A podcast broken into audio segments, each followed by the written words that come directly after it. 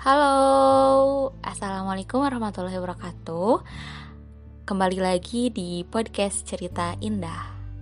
Sebelumnya perkenalkan, nama saya Indah Puspitasari Dari Program Studi Pendidikan Kewarganegaraan Universitas Pendidikan Indonesia Angkatan 2020 Pada kesempatan kali ini, saya akan berbicara sedikit tentang antropologi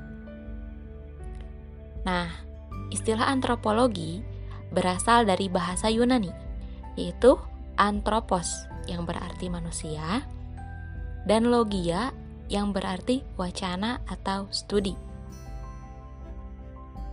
Antropologi adalah studi tentang kemanusiaan.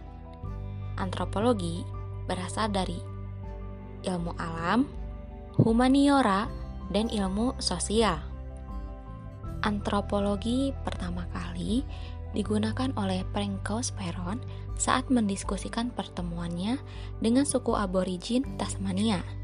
Di Amerika Serikat, antropologi kontemporer biasanya dibagi menjadi empat subbidang.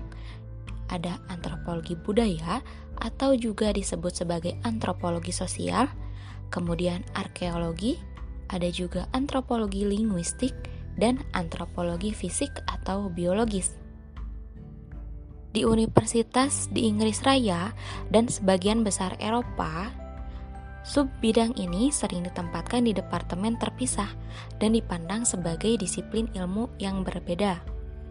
Antropologi secara tradisional dibagi menjadi empat sub bidang, masing-masing dengan cabang yang lebih lanjut. Ada antropologi biologis atau fisik, antropologi sosial atau antropologi budaya, kemudian ada arkeologi dan linguistik antropologi. Bidang-bidang ini sering tumpang tindih, tetapi cenderung menggunakan metodologi dan teknik yang berbeda. Antropologi biologi atau antropologi fisik berfokus pada studi populasi manusia dengan menggunakan kerangka evolusi antropologi budaya juga disebut antropologi sosial budaya atau antropologi sosial, khususnya di Inggris saya. Ini adalah studi tentang budaya, terutama didasarkan pada etnografi. Etnografi dapat mengacu pada metodologi dan produk penelitian, yaitu monograf atau buku antropologi budaya dikenal sebagai etnologi, istilah yang diciptakan dan didefinisikan oleh Adam F. Kolar pada tahun 1783. Selanjutnya, antropologi linguistik juga disebut sebagai linguistik antropologis, berupaya memahami proses komunikasi manusia, verbal dan nonverbal, variasi bahasa lintas ruang dan waktu, juga penggunaan bahasa secara sosial, dan hubungan antara bahasa dan budaya.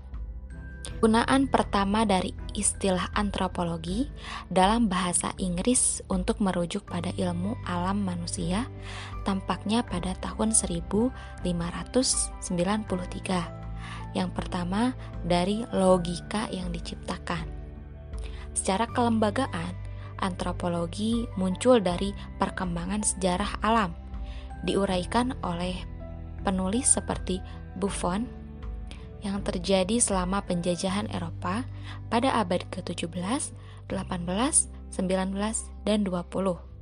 Program studi etnografi dimulai pada era ini sebagai studi tentang manusia primitif yang diawasi oleh administrasi kolonial.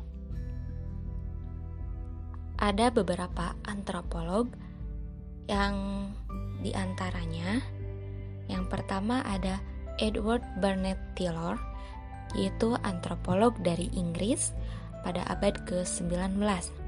Kemudian di Amerika Serikat ada Franz Boas yaitu salah satu pelopor antropologi modern, sering disebut sebagai Bapak Antropologi Amerika. Nah, di Perancis ada Emile Durkheim. Mungkin hanya itu yang dapat saya sampaikan pada podcast kali ini. Semoga ada manfaatnya. Selamat bertemu di podcast selanjutnya. Bye bye.